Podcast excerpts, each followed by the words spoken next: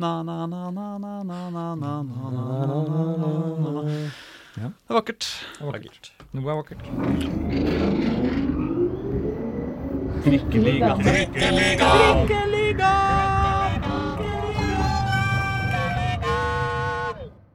Nei, men da ønsker vi velkommen eh, til nok en uke i Oslo-fotballen. Trikkeligaen, Dagsavisens podkast om Oslo-fotball i sin episode ni. Ha! Hallo, Jørn. Hallo, hallo. Jørn Skjerpe eh, eh, med Norild-genser. Norild, er det, det er eh, laget i Vadsø, da? Ja, ja. Nevnte det ved min forrige opptreden. Ikke sant? Veldig fin genser. La, er ganske sliten. Har Ja, den er vel en eh, 15 år gammel, kanskje. Ja, det er såpass. Og så har den altså, åtte sånne små bannerannonser. Ser ut som en sånn middels god webside fra sikkert samme tid. Ja, Fra. Harilla, Interbok eh, Ja, det er mye sport og fritid. Sparebank1 Nord-Norge. Ja. Det er deilig. Alle stiller opp i Finnmark. Men nå har det vært veldig mye i Nord-Norge da, siste uka.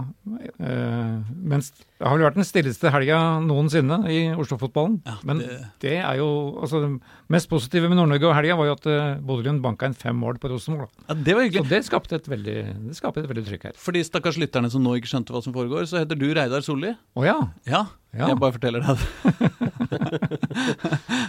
Fakta må fram. Ja, fakta må fram, og jeg heter Aslak Borgersrud. Men ja, altså herre min hatt, Vålinga Vålerenga har vel aldri vært så, eh, så glad, i hvert fall, i, eh, i Bodø som akkurat den helga her, når Vålinga og Rosenborg er nesten av poeng, og liksom Vålerenga skal spille en litt vanskelig kamp mot Sarpsborg, som man aldri helt har greid å få taket på seint på kvelden. og så og så kan Rosenborg liksom dra fra på forhånd og gjøre det enda vanskeligere. Men nei da. Da, slår, da står de æres, eh, i æresgarde både før, under og etter kampen og tape 5-1. Ja, det var vel Bodø-Glimt-spillerne selv som sa det. De trengte jo ikke å stå æresvakt i 90 minutter. Nei. Selv om det var veldig hyggelig gjort av dem. Ja. Og som sagt, veldig bra for uh, Vålerenga, for nå er da plutselig målforskjellen utligna mellom disse to, to lagene. Neste stopp Valle. Nei, men La oss nå begynne på Intility eh, på søndag kveld. Det er jo Siden det tross alt er det, det eneste som har skjedd i Oslo-fotballen denne uka, så må vi jo nesten Vi har ikke noen andre steder å gå. Vi får starte der. Du var der, Reidar, og jeg var der. Ja, det var årets kaldeste opplevelse, Ja. sånn um, værmessig. Ja, men jeg hadde heldigvis nå skjønt uh, hvor det landet lå, så jeg hadde Oi. altså så mye ull. Du fikk jo straffa til Freddy for noen uker siden nettopp pga. Manglende bekledning. Ja. Jeg syns det er så flaut at man eh, Jeg har jo snakka om at det er kaldt å gå på fotballkamp nå i to måneder allerede. eh, Så på et eller annet tidspunkt må man jo greie å, å kle på seg skikkelig. Så det hadde jeg gjort, eh, og overlevde. I hvert fall ganske greit, selv om sånn behagelig blir det jo ikke. Men det ble jo heller ikke så fryktelig behagelig på banen. I hvert fall ikke første omgang. Nei, altså det, det, men det som var meg mest, i hvert fall i starten her, synes jeg var også sangen til, til eh, klanen. Ja. De som hadde fått inn, innpass, som Ja. satt på hovedtribunen rett foran oss. Og det skapte jo faktisk atmosfære eh, for første gang på lenge, Ja. jeg, da, rundt den eh, rundt en eh, VIF-kamp. Ja, Ja, men det er jo innmari tilfeldig hvem som, eh, hvem som får disse billettene. Og akkurat denne kampen så var det tydeligvis mange veldig sangglade. Ja. Så det var jo egentlig to tribuneseksjoner som, som på en måte sang, som konkurrerte litt om å være de ivrigste Vålerenga-supporterne. En litt ute til høyre og en litt ute til venstre. De greide også å finne opp eh, klassikeren, eh, den umiddelbare klassikeren 2, 4, 6 Nei, eh, 4, 6, 8, 10. Hvilke rader bruker vi? Partall, partall, partall. Eh, Det er hyggelig. En variasjon. eh, ja, så det var en lovende start. Men så ble det ikke fullt så lovende det som skjedde eh, ute på banen da. Nei, i første omgang der eh, den eh, Altså, Vålerenga hadde jo ball en god del. Men det var vel én halvsjanse, og det var et skudd fra Kjartansson i det I det liksom 42. minuttet eller noe sånt. fra ja, skal vi si 17-18 meter. Et skudd som ikke var spesielt hardt og gikk utafor.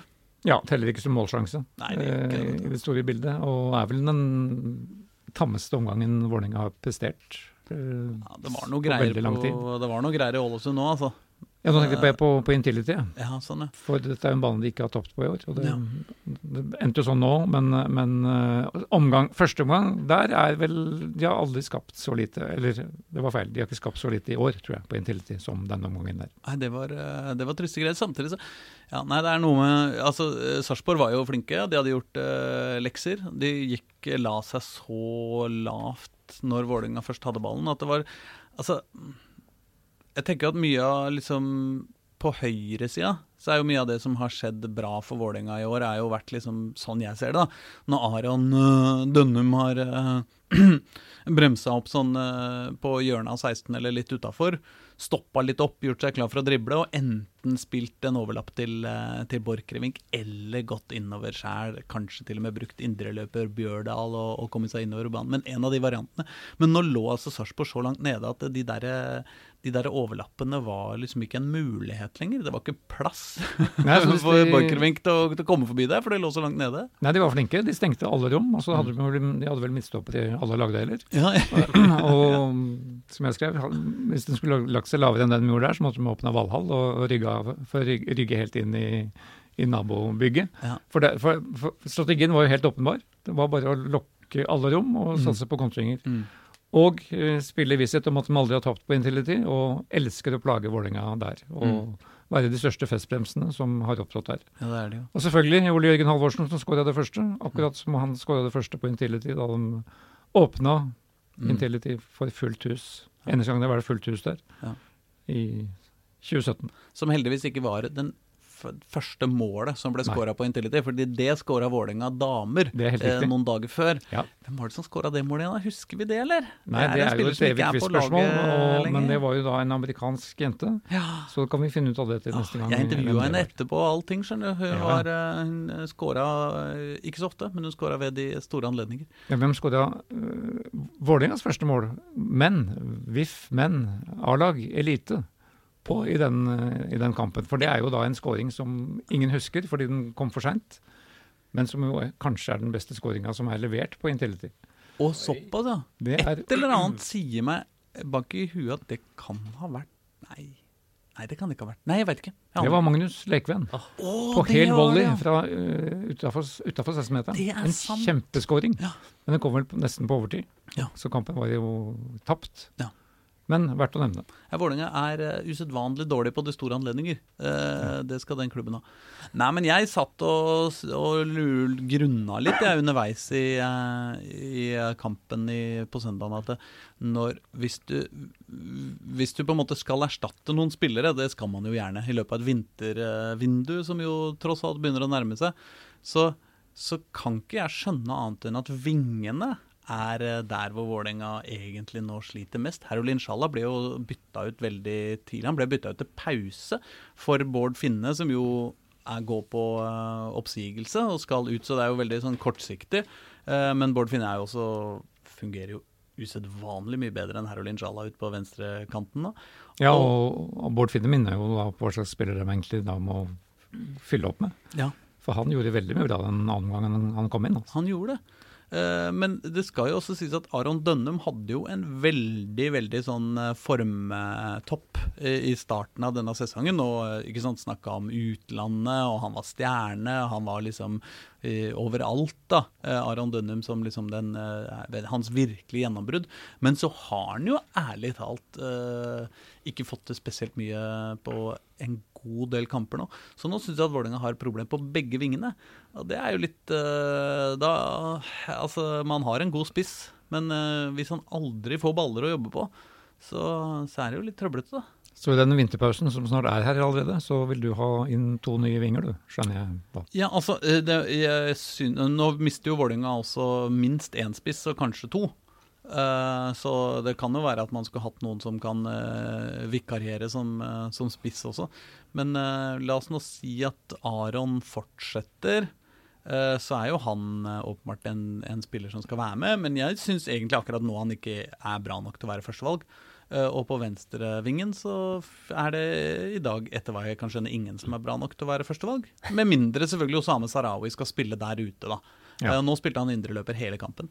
Uh, og jeg, tenker jo at han er, gjør seg bedre ytterst i banen. Men, eh, nei, jeg mener innerst innover i banen. Men det jeg syns, da, er jo at Vålerengas beste spiller de siste åra uh, er jo Ejuke. Eh, som gikk til eh, Nebel, Nederland, Nederland, ja, og så Russland. og så Russland eh, eh, i forrige sesong. Eh, men hans utvikling er, var jo Han var en dribleglad venstreving. Eh, han var kjent for å alltid gå innover i banen og aldri gå utover. Mens i den virkelige gjennombruddssesongen hans så greide han plutselig å begynne å drible begge veier. Og dermed så kom han seg forbi så ufattelig mye oftere og skapte både mål og store sjanser for Vålerenga hele tida. Og nå skal det jo sies at Osame Sarawi er jo en dribleglad tekniker som er veldig veldig glad i å gå innover i banen når han får ballen. Han uh, bruker høyrebeinet veldig veldig mye mer enn han bruker venstrebeinet. Og han får veldig ofte ballen feilvendt, og så snur han seg med klokka. Og, nei, jeg mener mot klokka. Og går innover i banen, og det gjør han nesten hele tida. Så det går jo an å tenke seg at uh, de skal ha en tilsvarende karriereutvikling. ikke sant? At når Osame Sarawi begynner å gå også utover i banen, uh, ned mot uh, dørlinja, så uh, blir han den supervingen som Ejuke var i, i fjor. Eller i starten av i fjor. Ja, men det spørs jo da hvor Fagermo kommer til å benytte den. For at han, han sier, Jeg snakka med ham om dette, her, og han sier jo at han førstevalg nå å bruke, bruke han er, er sånn som han spilte nå mot, mot Sarpsborg. Altså, Som indreløper. Som indreløper. Mm. Uh, men som han sa, han er glad at han kan brukes flere steder. Mm. Men uh, akkurat nå hadde det vært mest, kanskje mest spennende å sette den ut på, på, på vingen. Da. Men er dere enig i at dette med vingene er uh... Når eh, Finne forsvinner, eh, hva er det egentlig det realistiske alternativet i dagens stall? Nei, det var jo han som, han som ble henta inn som erstatter for, for ei uke. mm, Han som de henta fra Østersund, var det vel? Kamara. Kamara. Men er han et realistisk alternativ? Nei, altså de håper jo at det var jo en plan, langsiktig plan med å utvikle han, da. Eh, men den utviklinga må jo snart gi resultater, da. Og det, ser jo ut til at de har jo slutta å bytte den inn. De har det, så det er ikke noe, det er ikke noe godt. Det eneste vi har hørt og sett til han, var jo når han kom inn og, og fikk skjellsord etter seg i, nede i Sandefjord. Det er, jo, det er jo dessverre det eneste vi har lagt merke til han i høst. Ja, og det er halvannen kamp, eh, halvannen måned siden snart. eh. Ja. Siden har vi ikke sett den. Men spørsmålet nå er jo hvordan de skal takle resten av sesongen da, med de åpenbart utfordringene de har spillemessig. Mm. Og det hadde jo en lang prat med Fagermo etter, etter kampen på, på søndag, Mm. og han sto og grubla. Og det første han sa, var at nå må jeg på befaring på, på Nadderud for å rett og slett se hvordan gresset der ser ut. For gressbanekamp er ikke det de uh, tak, gleder seg mest til. I desember? i. Eh, og han var veldig skeptisk til hvordan den så ut i, i begynnelsen av desember. Mm. Men uh, den tror jeg ser helt grei ut. Jeg tror ikke de skal skylde på banen når de kommer dit. Men de må få til mer energi i spillet sitt, og ikke minst skape mer sjanser enn det de har gjort både mot Sarpsborg og Ålesund i de to siste kampene. Det lukter vel at så lenge den medaljekampen er eh, såpass på'n, så kommer nok Bård Finne til å få spille litt eh, mer framover. Det tror jeg Eh, også. og at Herolin Sjala blir, eh, blir litt mindre brukt. Han, har jo, han hadde jo en utrolig god sesong i fjor, men Herolin har ikke vært like god i år, eh, faktisk, som han var i fjor. Nei, jeg, nei, nei, helt enig. Han kommer til, han, han, kommer til færre Hva heter det på fint fagspråk? Sluttprodukter enn Ja. det, han, det han gjorde i fjor. Men det jeg syns også er verdt å nevne fra den kampen på søndag, er jo at øh, Vålerenga ble bedre og bedre og bedre utover kampen. Og når det nærma seg slutten, så var Vålerenga øh, veldig, veldig gode. Skapte kjempemasse sjanser de siste ti minuttene. De var veldig gode fra den 90. til 97. minutt. Det, det, var, det var vel kampens høydepunkt. Sånn, øh, det var da de var best. Absolutt. Og de kunne jo faktisk skåla inn den uh, seiersgålen også, Mm. uh, med litt, litt smartere opptreden. Men det de gjør, er jo veldig bra. Mm. Selv om det da korrekt nok blir annullert for offside, den siste skåringa. Ja. Men angrepet og, og trekket er jo sånn det skal være. Også så gøy å se Dag Eilev eh, løpe jublende rundt i en ring, og så plutselig, i en liksom brøkdel av et sekund, plutselig bli rasende. Eller i hvert fall sur. Han, det var vel ingen som påsto i ettertid at det faktisk ikke var offside. Det var jo, den var jo ganske grei, den offsiden, Ja som gjorde at Vålerenga ikke vant. Men, eh, men eh, de utligna jo med et eh, klabb og blabb, klabb og babb-mål i det 93. eller et eller annet sånt minutt av Ivan Nesberg, og det var jo det var Ja, det, det var jo litt diffust der hvem som egentlig fikk skåringa. Jeg vet ikke om NFF har avgjort det ennå, men det var et Ja, fordi Felix lå på bakken der og Ja, fikk en i ryggen eller fikk ballen så vidt i ryggen. Men det, jeg i, I mine øyne er det Ivans mål. Det er Mm. han som skyter, og han Mm. som er på rett sted. Mm. Og får pirka den ballen inn, selv om den går kanskje via ryggen til Felix Horne Myhre. Men, eh, men den energien de da viste på overtid der, det er det, det de må ta med seg, da. Men Mm. eh, vi må ha, den fasen må vare litt lenger. Eh, og nå Ja, jeg veit ikke hva som Fagermo lurte på det òg, hvorfor de ikke viste mer energi. For han, han ser ikke igjen det han ser på treningene Mm. i, i kamp. Mm. Han, han syns de tør for lite. Og nå, nå får de jo da Ja, de er jo i medaljekampen. De har eh, Stabæk nå, og ikke minst Rosenborg på, på mandag. Eh, mandag kveld. Rosenborg med tre nederlag på rad, det er jo nesten unikt. Mm. Og da er jo, sier jo statistikken at det vil være enda mer unikt hvis de får fire nederlag på rad. Men det kan jo da faktisk skje, da, når Åge Hareide skal ha sitt, sitt første besøk på Intility. Vålerenga har jo eh, en uavgjort-serie som begynner å, begynner å eh, lukte full, så, så det kan jo være at det mest sannsynlige som foregår, er ja, uavgjort både på onsdag og mandag. Ja, så Mitt utgangstips for alle fotballkamper lever jo i beste velgående. 1-1.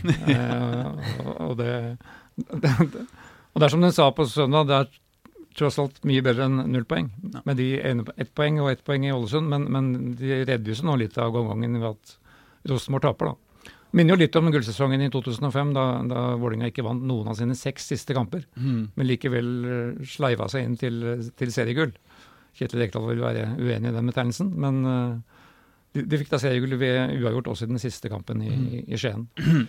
Og Hvis det fortsetter sånn nå, så kan jo det samme skje, men jeg er redd både Kristiansund og Odd kommer da bakfra og passerer. Man må begynne å vinne igjen. Ja. Jeg syns det tegner litt godt at den, at den blir ofte, egentlig, såpass mye bedre mot slutten av kampene.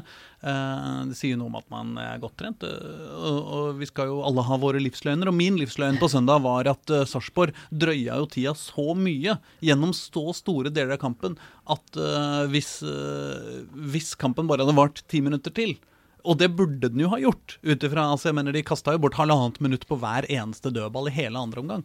Uh, ikke sant? Så, så hvis uh, andre omgang faktisk hadde vart noe i nærheten av de 40-45 minuttene, så hadde jo Vålerenga vunnet 5-1. Ja, ja da, og, og jeg tror de er godt trent. Og for, for Fagermo kjører jo da Bielsa-oppskriften, altså Mm. Vålerenga skal løpe mest. Mm. Leeds løper jo en mil lenger enn alle lag i, i hver eneste kamp, Mm. men det gjelder jo å løpe riktig. da. Eh, men, men de fleste avslutningene i kampene til Vålerenga er- har vært ganske positive. Mm. Og alt tyder på at de er godt trent, Uh, det, det bør de jo være. Men um, det er, det er å utnytte den løpsstyrken som de har. Er det fire kamper nå siden Kjartansson skårte i serien? Å, nå spør du vanskelig, Jeg lurer på om det er noe altså. sånt. Men det mener du da skyldes Ving-problematikken, som du var inne på? Nei, men altså, jeg syns at eh, Kjartansson er, er ikke helt der han skal være. Jeg syns at uh, du kan uh, Du kan ikke være så god og bare skylde på Altså, det er jo en spiss sin oppgave å skaffe sånne baller også, og, og gjøre litt sjæl. Mm. Mm, så jeg syns jo ikke han Altså Han er jo veldig av og på. da Han Plutselig så skårer han tre eller to, to mål i en kamp. Når han først skårer, så kommer det gjerne et par, liksom. Um, men så men, men jeg tenker vel sånn at Kjartansson er en så god spiss Vålerenga kan få. Uh, det er liksom ikke noe å diskutere noe annet, og han er en, eh, han er en veldig god spiss, men, mm. men uh, det er jo ikke noe tvil om at de ikke helt greier å utnytte han uh, nå om dagen. Og det er jo dårlig tegn. Men Ja, det om det er pga. vingene, eller om det er pga.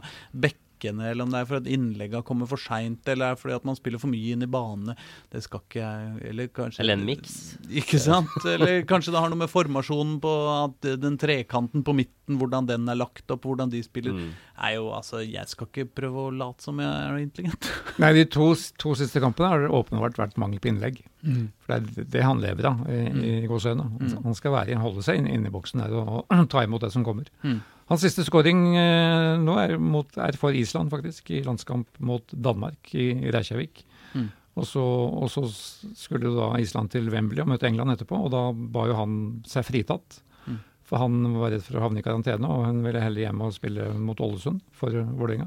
Er Så det, det sier jo litt om uh, hvor hjertet hans er, Mm. og, og hvilke ambisjoner han har. da. Så jeg, jeg tror han, Det løsner igjen, men, men Vålerenga må, må skape mer rundt den. Men det skal jo også sies at i denne kampen mot Sarpsborg, når uh, Vålerenga pressa så mye og hadde så mye ball som de hadde på søndag, så på et tidspunkt så bytta de jo ut Lekven uh, som anker.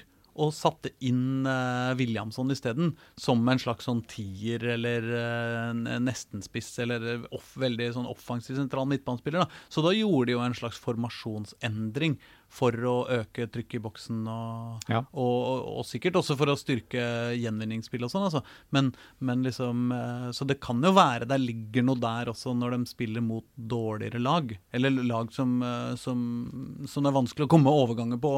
Og, og som legger seg veldig lavt. da. At, Ja, ja da, at det går an å faktisk spille med en sentral midtbanespiller som er offensiv istedenfor uh, et sånt anker som Lekven og Oldrup har uh, spilt som. Ja, det er dette de må øve på, altså spille, spille mot etablert forsvar. Det er jo det, er det vanskeligste i fotball, å få til veldig mye kreativt mot et lag som ligger så lavt. Men eh, det blir antagelig hverdagen på, på Intility, kanskje bortsett fra Rosenborg.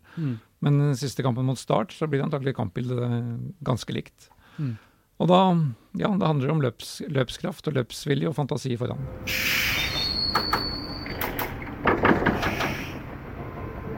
Vi har jo eh, litt andre ting å snakke om, tross alt. Selv om det ikke har vært noen andre kamper. For eksempel så har du, Jørn, eh, vært og, vært og, uh, og snakka med uh, Gard og Holme, Skeid-treneren, eh, nå i denne uka, har du ikke det? Bare på telefon i disse oh, ja. koronatider, selvfølgelig. Hvordan er ståa på Nordre Åsen? Altså, det er sjelden eh, ting kan gå bokstavelig talt opp i limingen, eh, Reidar. Men det kan det for seint. Du som kjenner det, saken enda bedre enn meg. Ja, nei, det, De starter jo nå på søndag borte på berømmelige Føyka mot Asker i den første kvalifiseringskampen. Og så skal da returkampen spilles på Nordåsen påfølgende, påfølgende lørdag. Det er vel de 12. desember vi snakker om. Yeah. Spenningsmomentet for Skeid er jo at eh, hvor mye snø, om det kommer snø, før den tida. For den banen tåler fortsatt treninga de gjennomfører der. Mm. Men hvis man begynner å måke den nye Nordre Åsen, da er det som Jørn sier, da kan hele greia gå opp i liminga. For der sitter, er vel en 12-13-14-15 forskjellige skjøter som er limt for å pakke den eh, banen sammen. Og da måke, hva heter det for noe? Måkeutstyr, verktøy, måkebiler, Mm. ploger heter det kanskje. Skrapa? Jeg vet Skra- ikke hvordan det gjelder om de uh... Så, så de følger veldig mye på yret nå, hvordan, eh, hvordan utvikler seg. Men første uka blir det bare regn, ikke noe, ikke noe snø. Men de- Skeis utfordring er jo å holde trøkket oppe, i og med at um, altså deres viktigste kamper kommer nå etter en lang, lang pause uten kamptrening. Så de kjører intense treninger, har jeg skjønt, på, på Nordre Åsen. Ja, Jeg må så- si, jeg bare, øh, Før vi går til det faktisk fotballmessige, så må jeg si at jeg ser jo for meg dette som et slags dataspill. og Hvis du har 13 skjøter på en bane, og så alle overlapper i litt sånn forskjellige retninger, så må du finne den riktige ruta for måkebilen, sånn at man alltid skraper liksom fra den som ligger oppå til den som ligger under. Altså, det kan jo være et slags snake for viderekommende, som vi ender opp med for at den banen skal øh, overleve måka. Tar alle Snake-referansen av den yngre garde, eller? Alle har spilt Snake, vel. Jeg ikke veit jeg. Samme det. Unnskyld. Da var, da var jeg ute av samtalen, skjønte jeg. Å ja, nei, det det Ja. nei, ja, ikke Der har vi et Nei, jeg bare tenker Altså, vi har vel alle vært fascinert, sittet på Jordal Amfi f.eks. og sett disse isbilene ikke sant, kjøre, og hvilket mønster velger de når de skal kjøre over isen for å, for å gjøre den på mest mulig perfekt måte. Men hvis du i tillegg har overlappende kunstgresskjøter, som du må skrape den ene veien og ikke den andre for å ikke ødelegge eh, matta, ikke sant? Så, Ja. så må du jo lage noen sånne mønstre som, som minner litt om uh, kunne minne litt om mobilspillet Snake, ikke sant? hvor du kjører eh, eh, en slange rundt i uh, spesielle mønstre for å unngå eh, Samme det. Samme det. De har ikke fått trent en- i det siste, er det sånn? En, en tilleggs, de har fått trent, men en tilleggsdimensjon der er jo om skal kommunen stå for dette vedlikeholdet, som er litt, uh, kan være litt dristig, eller skal Skeid gjøre det sjøl? Hvis Skeid gjør det sjøl, så er de redd for at de får skylda for å ødelegge banen. Og da kan, får de kanskje et erstatnings... uh, erstatt, ja, da blir de ansvarlige for å rette opp. opp. Ja, så det er noen sånne småkrydder i, i bånn her. Men uh, det Gard Holme tror jeg er veldig flink til, er å holde fokus på det han skal gjøre noe med, og det er å få dette laget fit nok til å slå Asker. Og hvis de slår Asker, så må de jo ha nye uker. I, da får de bokstavelig talt adventstida til å trene, for da, det er jo ingen som veit når den siste kvalikrunden går mot det laget som blir tredje sist i Obos-ligaen. For Obos-ligaen, når den blir ferdig, er det jo ingen som veit per i dag. Og da kan det bli Shade Grorud, Ja. i teorien. Men det vil han ikke snakke om. Det vil han ikke snakke om da, Gardholm. Nei. Tenk deg det. Skeid Grorud uh, i eh, kvalik der, og så Brann Lillestrøm i kvalik eh, andre veien. Da hadde jeg kosa meg. uh, Og dette blir jo nye, kan bli det nye norske romjulsfenomenet. da. mm. Det kan hende kvalikkampene havner Boxing på eh, Boxing ja. Day, ja. Opprykkskvalik eh, Opprykksromjul. Nemlig. Rett og slett. Det er kos. Det er bra. Men, men for, for dem, dem spiller ikke det, det, hvor, hvor lenge er det siden de har sist spilt eh, kamper nå, Skeid? Men så Skeid hadde jo den kampen mot Brattvåg, da, hvor de Mm, ja. eh, oppe. Det var vel forrige, forrige helg, men, men der stilte de ikke med det laget de skal møte med Asker med. Så det er jo da den Fred Fredrikstad-kampen, som er noen uker siden. 0-0. Men Asker har jo vært i karantene. Så, Asker så, så det er ikke sånn at. Asker er, kommer i kjempekampform, antagelig. Nei, nei, nei. Så, sånn sett har vel Skeid en, en, en liten fordel. Mm. For um, Asker har ikke, har ikke fått begynt å trene før nå, få dager før kamp. Mm. Men Vegard Skogheim, treneren til Asker, har vel en plan for det. Uh, og i Obos er det like stillstand. Det kan Bjørn man si. skal jo på kamp i morgen, på Åråsen. Onsdag, altså. Onsdag, Det er mest sannsynlig i dag, altså, hvis uh, denne podden blir spilles inn på tirsdag. Men uh, den kommer nok ut uh, pleier å komme ut onsdag morgen, hvis uh, Aslak har eh, teknikken i orden. Det er korrekt. Skal på Åråsen. Det blir sikkert en eh, småkald eh, affære, det òg. Men uh, Koffa virker eh, De har i hvert fall stor tro i, i egne rekker på at opprykkskvaliken skal sikres. Mm, selv, om, selv om det kanskje et, kanskje årets tøffeste match, kan man si det? Ja, det kan man vel si. Lillestrøm borte skal vel i teorien være en av de øh, vanskeligste, ja. Men skjønt Isnes var veldig positiv. Han har for første gang i år kanskje helt skadefri tropp. Ja, veldig positiv, og han eh, anslo vel at seks-sju poeng bør holde for å sikre kvaliken. Så ett poeng på Åråsen tror jeg de vil være meget fornøyd med. Og så skal da Grorud, som da er mer utsatt, Mm. på deres, de ligger på den kvalikplassen nå. Mm. De skal da møte Jerv borte på torsdag. Oh, ja. Um, en av de utallige kampene som Jerv har til gode, for det er det laget som har vært mest ramma av, av hva heter det for noe? Koro, cola? Og jeg som trodde det var mink som var eh, mest ramma, men jerv Ja. er også ramma. Ja, ja, Jerv, ja. Den, Men, de, den setter litt pris på. Slags. Men hvilken divisjon spiller Mink? eh, nei, de er vel utrydda, alle sammen. Altså En liten digresjon er da han eh, Stein Ørn, treneren til Alexander Kristoff, syklisten, Mhm. fikk sparken av eh, han eh, Hva heter han i eh, Sykkelforbundet? Som også har et fuglenavn. Oh. Falk. Falk. Så da, kom, da slo jo mange medier opp 'Falk sparket ørn'. Mm. Ja, Så det var det på var linje riktig. med den. Ja. Det, ja, det var Ja. riktig, det. Mens eh, mink smitta jerv uh, ville jo også vært en Det ville vært eh, veldig god meget Ja. Ikke så bra for jervspillerne. Nei, og så får vi håpe de ikke må, må avlives alle sammen og graves ned. Så altså, de minken driver jo nå og vokser opp av bakken fordi det er så mange av dem uh, i, i sånn Nei, huff! det du sporer vi av her. Unnskyld, Uh, det var ikke gøy. Jo, men det jeg må eh, si før vi forlater Koffa, er jo at det er jo en ekstra liten dimensjon i når Jørgen Isnes, Koffa-treneren, skal til Åråsen, som han jo tross alt Som han jo tross alt var aktuell for trener, som trener der oppe. I, i våres. og så Ja, han var nevnt i vinter, ja. ikke sant? Han Mm. var jo, han var jo i samtaler der oppe, eller i hvert fall litt, litt eh, ekte aktuell. Eh, Så han har jo sikkert et kjempebehov for å, for å vise at han, eh, at han egentlig er bedre enn eh, disse folka han eh, dro inn. Hadde ikke du en eh, Twitter-historie der? jo, jo, Jørgen Isnes har jo også Han er jo ivrig, ivrig i sosiale medier, som, som han er i disse dager. Han tvitra. Altså, jeg intervjua Jørgen Isnes for eh, Ja, i, i forbindelse med disse trenerspørsmåla. Det var kanskje sikkert i vinter, da han var litt sånn aktuell for Vålerenga. var det jo, Han var jo nevnt litt der også. Så vi intervjua han i, i min favorittspalte i Dagsavisen Navnet i nyhetene. Um, jeg var veldig fornøyd med tittelen. Jeg tror det var 'Adjunkt med nedrykk'. eller noe sånt. Han er jo adjunkt, eh, Jørgen Isnes. Eh, men samme av det. Jo, men så avslutta han intervjuet. Der har vi det faste spørsmålet 'Hvem vil du helst stå fast i heisen med?' Og det er jo litt forskjellig hvordan folk oppfatter det spørsmålet. ikke sant? Noen sier liksom kona eller eh, mannen sin. og Noen sier liksom den mest intelligente personen de veit om i verden. ikke sant? Mandela eller eh, ikke sant? Barack Obama. Noen sier sånn. Mens andre, som Jørgen Isnes eh, åpenbart, da går rett i liksom De tolker spørsmålet åpenbart som hvem har de mest lyst til å ligge med. Så, så Jørgen Isnes eh, svarer jo Jennifer Lopez eh, og sier at hun er så flawless. Og nå, da liksom tre kvart år etter eller et halvt år etter, eller noe sånt, så, så, så har han tydeligvis fått så mye spørsmål om akkurat det, så han posta en, en tweet eh, med, med det intervjuet eh, og sa mange har spurt meg om hvorfor, eh, hvorfor eh, Jennifer Lopez i det.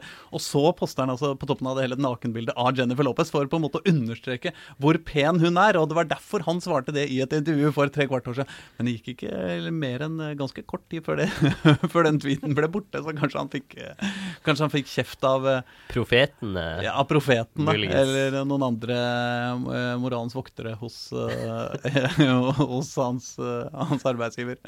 Og sånn går nå dagene da i Obos-ligaen, sikkert. Ja da. Viser at de beste intervjuene de står seg lenge. Ikke sant? De glemmer aldri. Ja.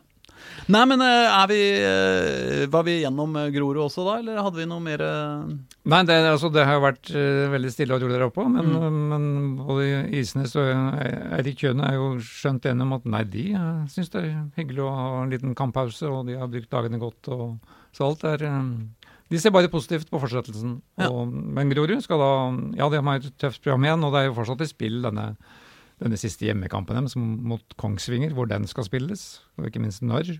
Ja. For de avslutter vel på Åråsen, de òg, Grorud. Så de må liksom skaffe Det er den kampen mot Kongsvinger som skiller seg ut der, som de, de skal vinne, da. Og som du Plus, må ha en bane for? Som de må ha en bane for hvor, hvor lys er godkjent, eh, der det står på da når vi nå er ute i desember-mørket. Kunne det bli på Intility? Altså KFM må jo også flytte, Ja. så de var jo satt opp på Intility mot uh, Øygarden. Ja. Mens, eh, mens uh, Grorud i utgangspunktet måtte flytte til Mjøndalen for å Mm. spille den, uh, sin siste hjemmekamp. Mm. Men den er, dette er for- foreløpig ikke avklart. Det er noe med å drive og legge planer for hva som skal skje om en tre-fire kamper. Det framstår jo helt håpløst i disse dager.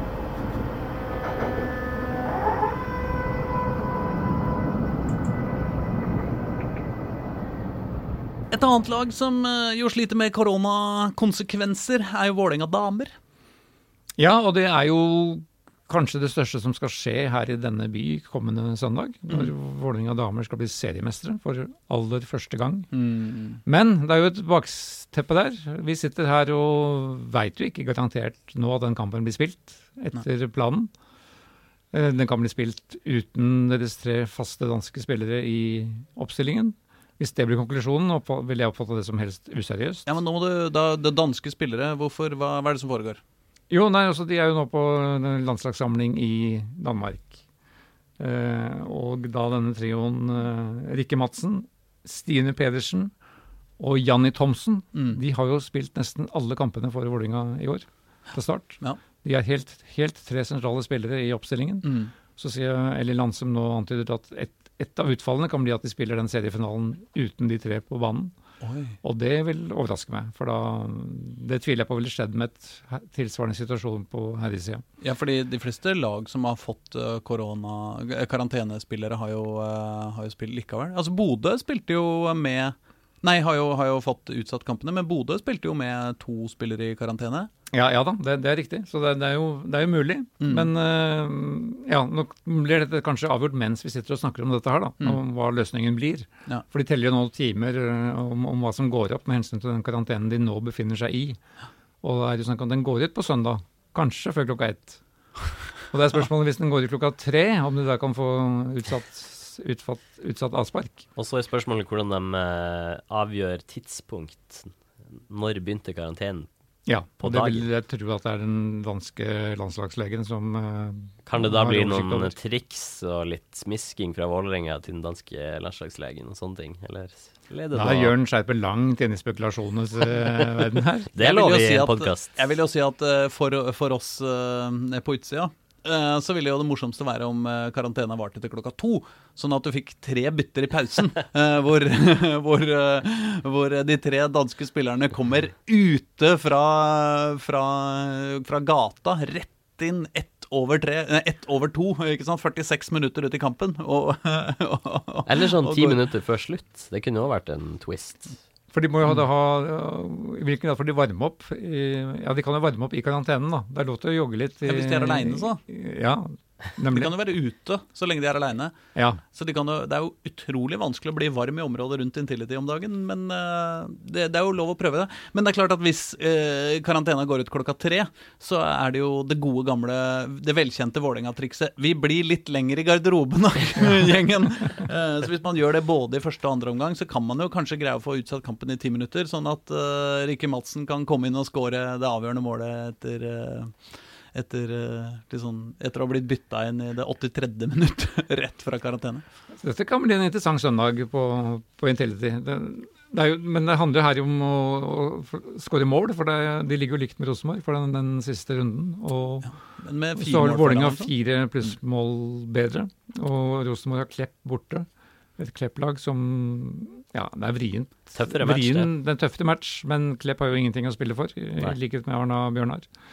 Så Skal vi prøve men- å si vi greier en, eh, en, greier en liveblogg eh, på, eh, fra Intility den dagen òg, eller? Ja, jeg synes jo, altså Når Vålerenga kan ta sitt første seriegull på kvinnesida, så syns jeg det absolutt Ikke? Kan ikke sitte hjemme og, kan ikke sitte hjemme og forberede Nei, nei, nei. søndagsmiddagen da. Søndag klokka ett er jo finfint på Intility da, hvis det blir kamptidspunktet. Ja, Det er det, da. Ja. Apropos Intility, Jørn. Eh, Der, der er det noe Der skjer det ting. Der skjer det ting. Også utenomsportslig karakter. Ja, sports, utenomsportslig. Nei, ja, greit, greit. Nei, det er ikke det at jeg mener at det, det her foregår det Jørgen Isnes og Jennifer Lopez eh, oppe i biblioteket. Så det var ikke sånn, eh, sånn jeg mente. Men Nei, men uh, Vålerenga har uh, ja, For det første så har de uh, kansellert treningsleiren eh, de, de drar jo hvert år på treningsleir, ofte til Marbella, da. ja, Eh, er det ikke La Manga lenger? La Manga før. Mm. Jeg tror eh, de fleste trives bedre på Marbella. Ja, La Manga, Marbella, Marbella. La Manga Ja. har de fleste kutta ut. Ja. I hvert fall eh, pga. koronasituasjonen så blir det ikke noe Marbella-tur, ser det ut til, da. Mm. Derfor så eh, har Vålerenga investert eh, litt cash på egen hjemmebane, for det, da må de jo ha preseason, eller sesongoppkjøring, på, på Intility og i området rundt. Oh, ja. Eh, så da har de investert eh, halvannen million totalt i eh, å forbedre gymmen på Intility. Bygge ut og kjøpe inn utstyr for flere hundre tusen, ifølge Dag Eilev Fagermo. Uh, og i tillegg skal de da få inn uh, noen nye rom, avslapningsrom, aktivitetsrom. Og det som i et ledd i å profesjonalisere Intility, som også Fagermo er en veldig stor fan av. Sånn at uh, det ikke bare blir en kamparena, men uh, at spillerne også kan oppholde seg der utenom uh, kamp på en god måte. ja. Det blir PlayStation og Det blir sikkert PlayStation og fusball og pingpong har blitt nevnt der, og skal settes inn senger på det der avslapningsrommet og sånne ting. Hvis Så skal- VIF-spillerne kan glede seg stort til at vinterens eksotiske treningsleir blir på Intility. Ja, det er bare å Ja. glede seg der. eh. Jeg tenker at Hvis du skal utkonkurrere Marbella, så burde de også dra inn en eh, masse sand og litt sånn palmer. Og, Ja, sånn arbeidslampe, sterk eh, arbeidslampe. Ikke sånn solariumssenger. Solariums- Det tror ja. jeg Jeg er sikker på Aron Dønnum er, er, på, er på litt sol. Litt sånn spansk musikk over radioanlegget. Ikke sant? Ja. Nei, men det, det skal jo sies at eh, det har jo vært eh, før eh, oppgradert eh, treningsfasiliteter i, eh, i Oslo-fotballen. Det, det var vel det siste Lyn rakk å gjøre før de, før de gikk konkurs, var jo å legge inn badekar til alle spillerne i garderobeanlegget på Ullevål, var det ikke det?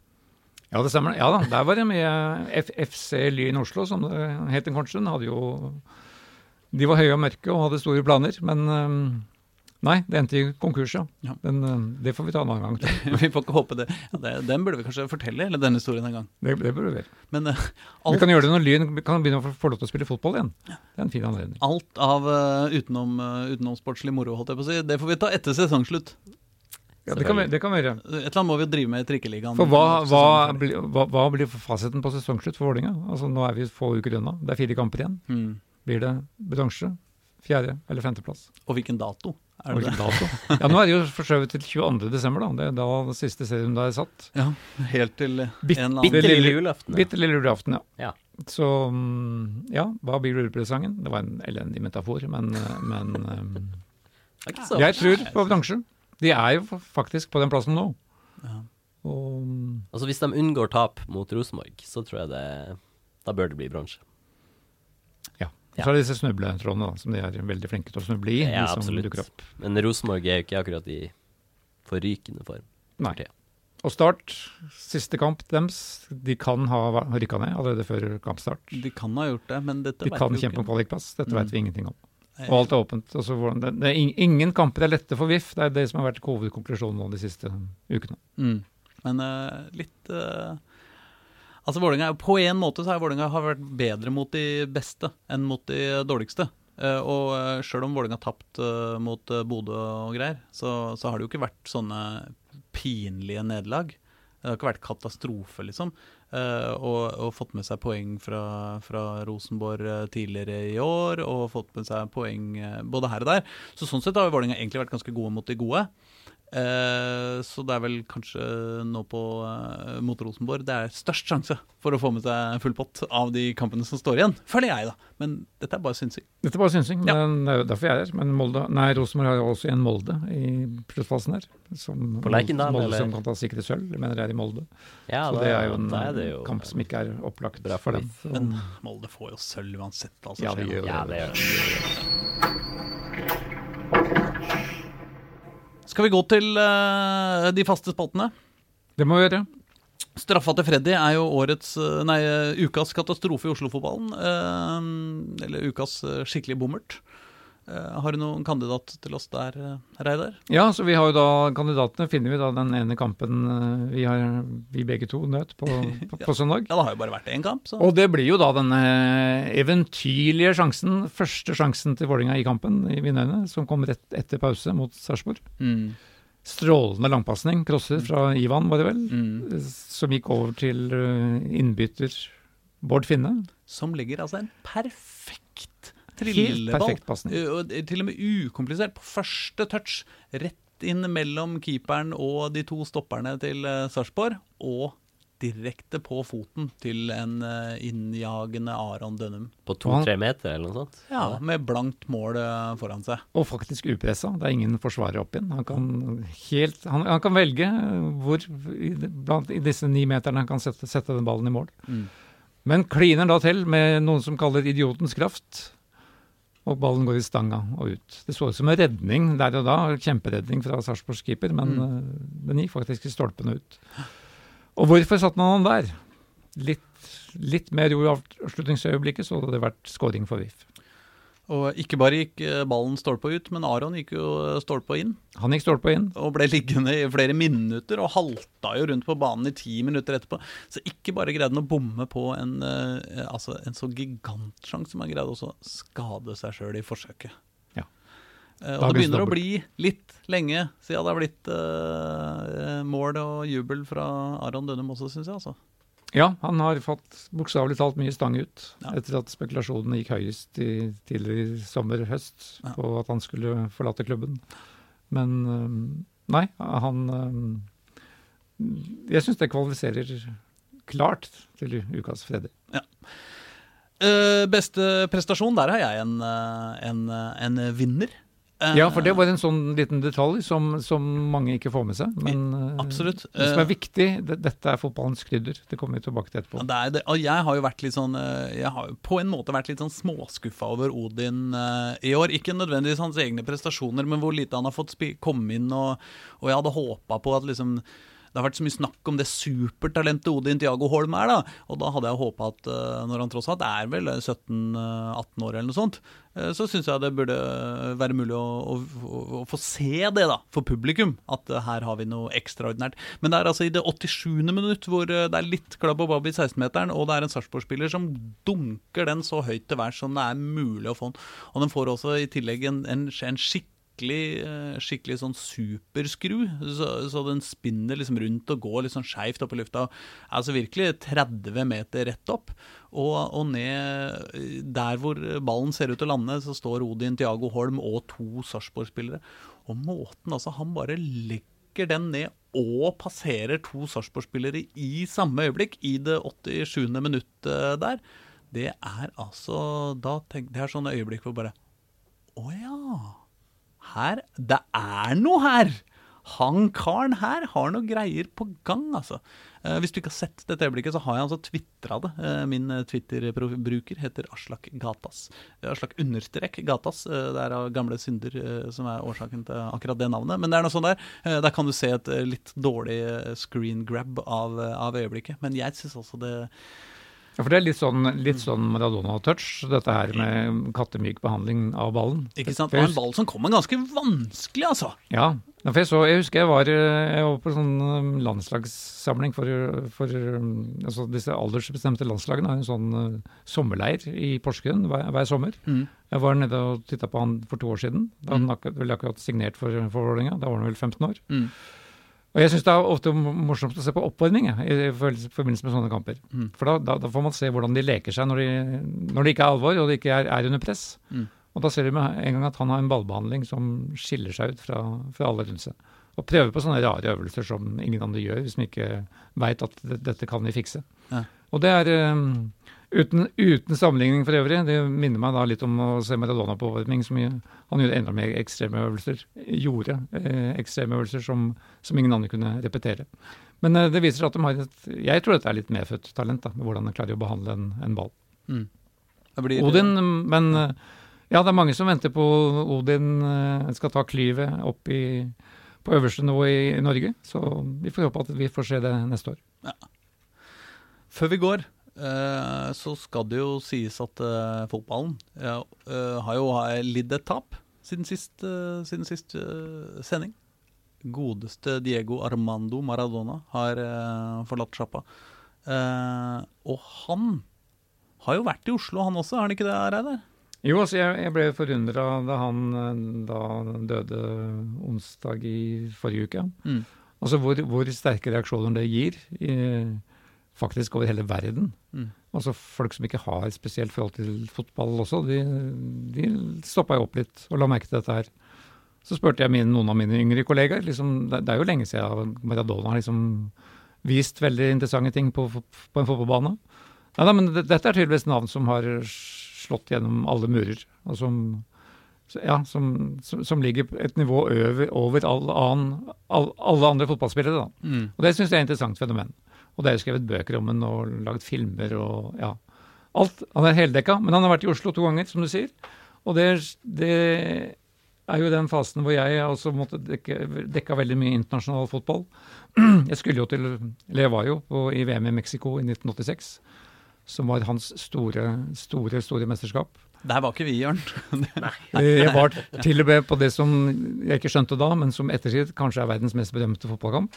Altså England- England-Argentina i kvartfinalen. Du så Guds hånd. Da satt jeg altså på ca. 150 meter unna, unna den, eh, det målet Ja. han skåra i, sammen med Jon Michelet og eh, daværende, Bergens, daværende Bergens Tidenes Davy Vatne. Oh, ja. Um, 115 000 var vel inne på Steka stadion den dagen der. Tidlig ettermiddag lokaltid. Tenk å ha vært der, da! Men jeg skjønte jo ikke da at dette skulle bli verdens to mest omtalte skåringer Mm. 10, 20, 30, 40 og 50 år etterpå. Mm. Men øh, det ble det. Men han var da altså Siste kampen til Argentina, oppvarming før dette VM-et, det var da selvfølgelig på Ullevål stadion. Men, men eh, men jeg må, jeg må, før du forlater den kampen, ja! så du det? At han hensa? Nei. Trodde Jeg- du det var et rent mål? Vi, vi trodde det var et, et rent mål, men så så vi på reaksjonene til, eh, til eh, engelske spillerne etterpå. Særlig Peter Shilton, da, som løp ut mot dommeren og markerte mot armen Mm. at her var her var det juksa. Mm. Så da, da skjønte vi det. Men, men eh, 1986, det fantes ingen eh, monitorer på pressetribunen. Det var ikke noe det var ikke noe nettverk, det var ikke Nei. noe internett, det var ikke noe sted å se denne skåringen i repri- reprise. Nei. Så dette, dette så vi på pressesenteret to timer etterpå. Da fikk vi se disse målene i reprise. Både, både um, Hensen, som da kom Mm. tre minutter bare, Mm. før det raidet, som da ble etter hvert kåra til tidenes VM-skåring, Mm. den skjønte vi var stor. Den, eh, for det, jeg elsker sånne langsomme skåringer, som jeg kaller det. Ja. Altså Han tok jo ballen på egen banehalvdel, Mm. og så spurte han jo ikke. Han, han jogger jo. Mm. Han jogger jo sammen med briter som ikke tør å takle den. Mm. Helt til han kommer til femmeteren og avslutter veldig smart. Mm. Men eh, nei, Hensen, der og da skjønte vi ikke. Så var det litt rart at den lille kroppen hoppa høyere enn Peter Shiltons hender, da. Det må vi innrømme. Er det, er det hvis du, hvis du eh, Beklager at jeg graver så Men altså, er det eh, eh, Har du noensinne vært i, i nærheten av en større historisk eh, begivenhet enn den hendelsen? Nei, i ettertid har jeg ikke det. For Det, for at det er ditt livs øyeblikk, på en måte. Ja, altså, ja. eh, det er ikke sånn, men sånn.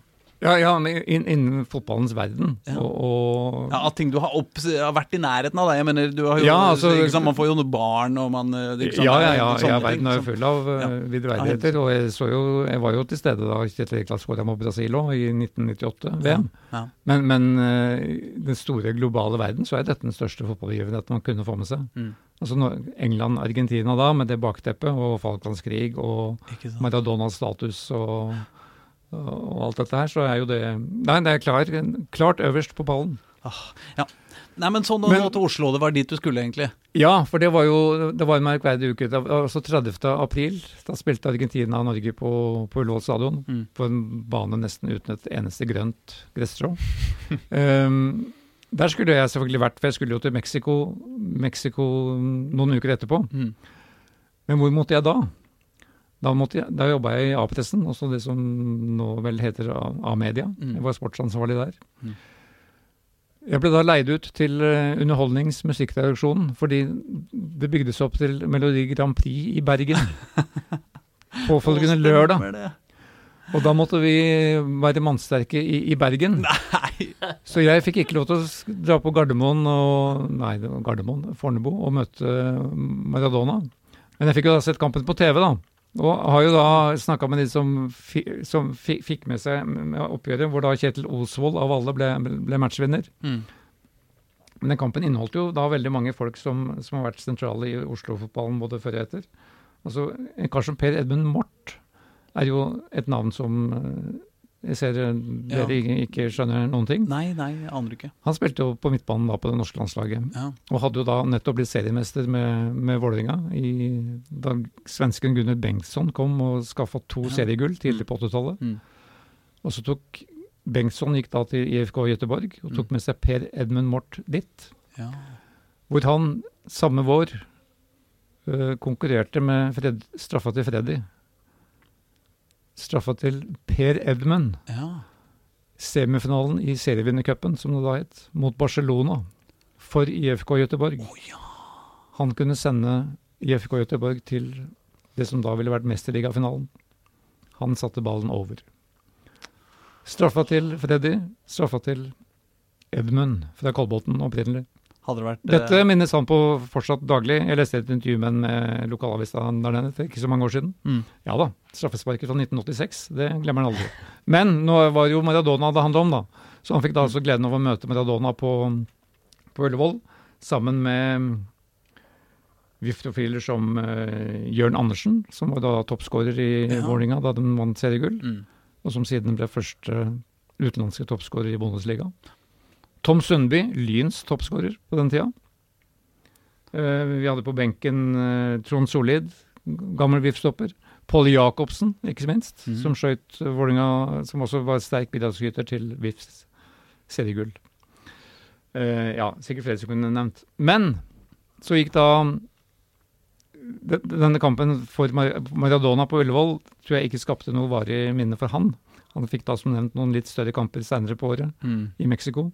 Men jeg fikk da en sjelden anledning, og det har jo irritert meg i, i ettertid. Jeg har aldri, aldri, tatt, aldri vært noen selfies-konge.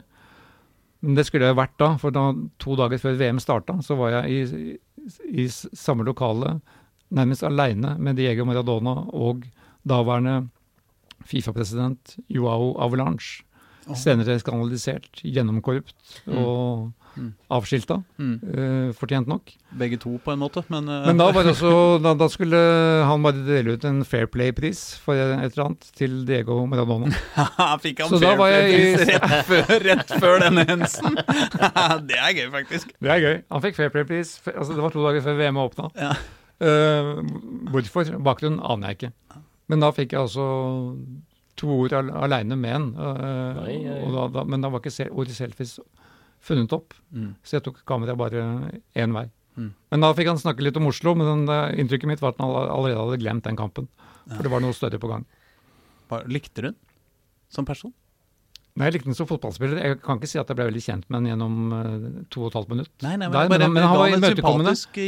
Han var imøtekommende, han, han smilte, han var blid. Han øh, lo og gliste høflig da, men han var jo en ung, ung gutt den gangen. Og ja, Oslo var, var hyggelig og fascinerende. En, en annen del av verden. Mm. Men så kom da den, øh, tilbake til den henskåringen, som vi må jo da i ettertid være glad at, at VAR ikke var funnet opp. Mm. For det hadde jo da punktert det øyeblikket, etter, etter få sekunder antagelig, og gjort at skåringen ble helt glemt. Mens nå lever han i beste velgående og kommer til å leve evig. Um, takk for at VAR ikke var funnet opp i 1986. Og takk for at Diego Maradona tross alt var funnet opp. Og så kom han da tilbake eh, som en liten digresjon på en oppvisningskamp her i 2006. Mm. Så det er hans andre opptreden i Oslo. I en tøysekamp i Oslo Spektrum. For da var han altså gått fra å være aktiv fotballspiller til å bli sirkusartist. Og selv i sine eldre, litt eldre år har jeg hørt at han briljerte stort på oppvarming og sånn, med å slå ballen eh, Han sparka ballen så langt opp han kunne, og så kom han ned, og så han, gjentok han det mange ganger. Ja, helt riktig. Og når alle andre prøvde, så mislyktes det. Så mislyktes det. Ja. Og så den øvelsen å stå ti meter bak mål og skåre. Ja. eh, Ved å legge, legge inn en tilbakeskru med, med ballen. Mm. Lykkes stort sett hver gang. Men da møtte han da de gamle Drillos-heltene i Oslo Spektrum i 2006. Det kosta 500 spenn for å komme inn, så det var, ikke noe, det var langt fra fullsatt. For de syntes dette var mye bare for en tøysekamp. Men Argentina vant da 8-10, og det var selvfølgelig én spiller som ikke tok dette Dette var ikke noen, dette var ikke noen kamp for moro skyld. Kjetil Rekdal ble da norsk topps- toppskårer med, med tre mål, for denne kampen skulle vinnes. det gjorde de ikke.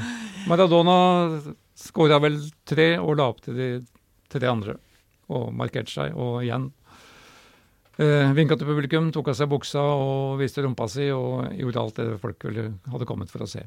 Men det er, den, det er ikke den kampen jeg vil huske den for. Jeg vil huske den for eh, i Mexico 1986. Herre min hatt. Jeg tror vi eh, takker eh, for oss, ja. og eh, høres til uka. Da har det skjedd masse. Da har det skjedd mye, da. Minst to Vålerenga-kamper, tre. Og forhåpentligvis både, både i Obos og, og, Asker Skeid. og opprykkskampen til Ja. Obos. Den er jo da bare halvveis, men, men Nei, også ad adventstid. Tidenes fotballadvent. Det blir det. Det blir Det det. blir det. Yes. Ha det! Ha det. Ha det Du har hørt en podkast fra Dagsavisen. Ansvarlig redaktør heter Andreas Heen Haaland Karlsen.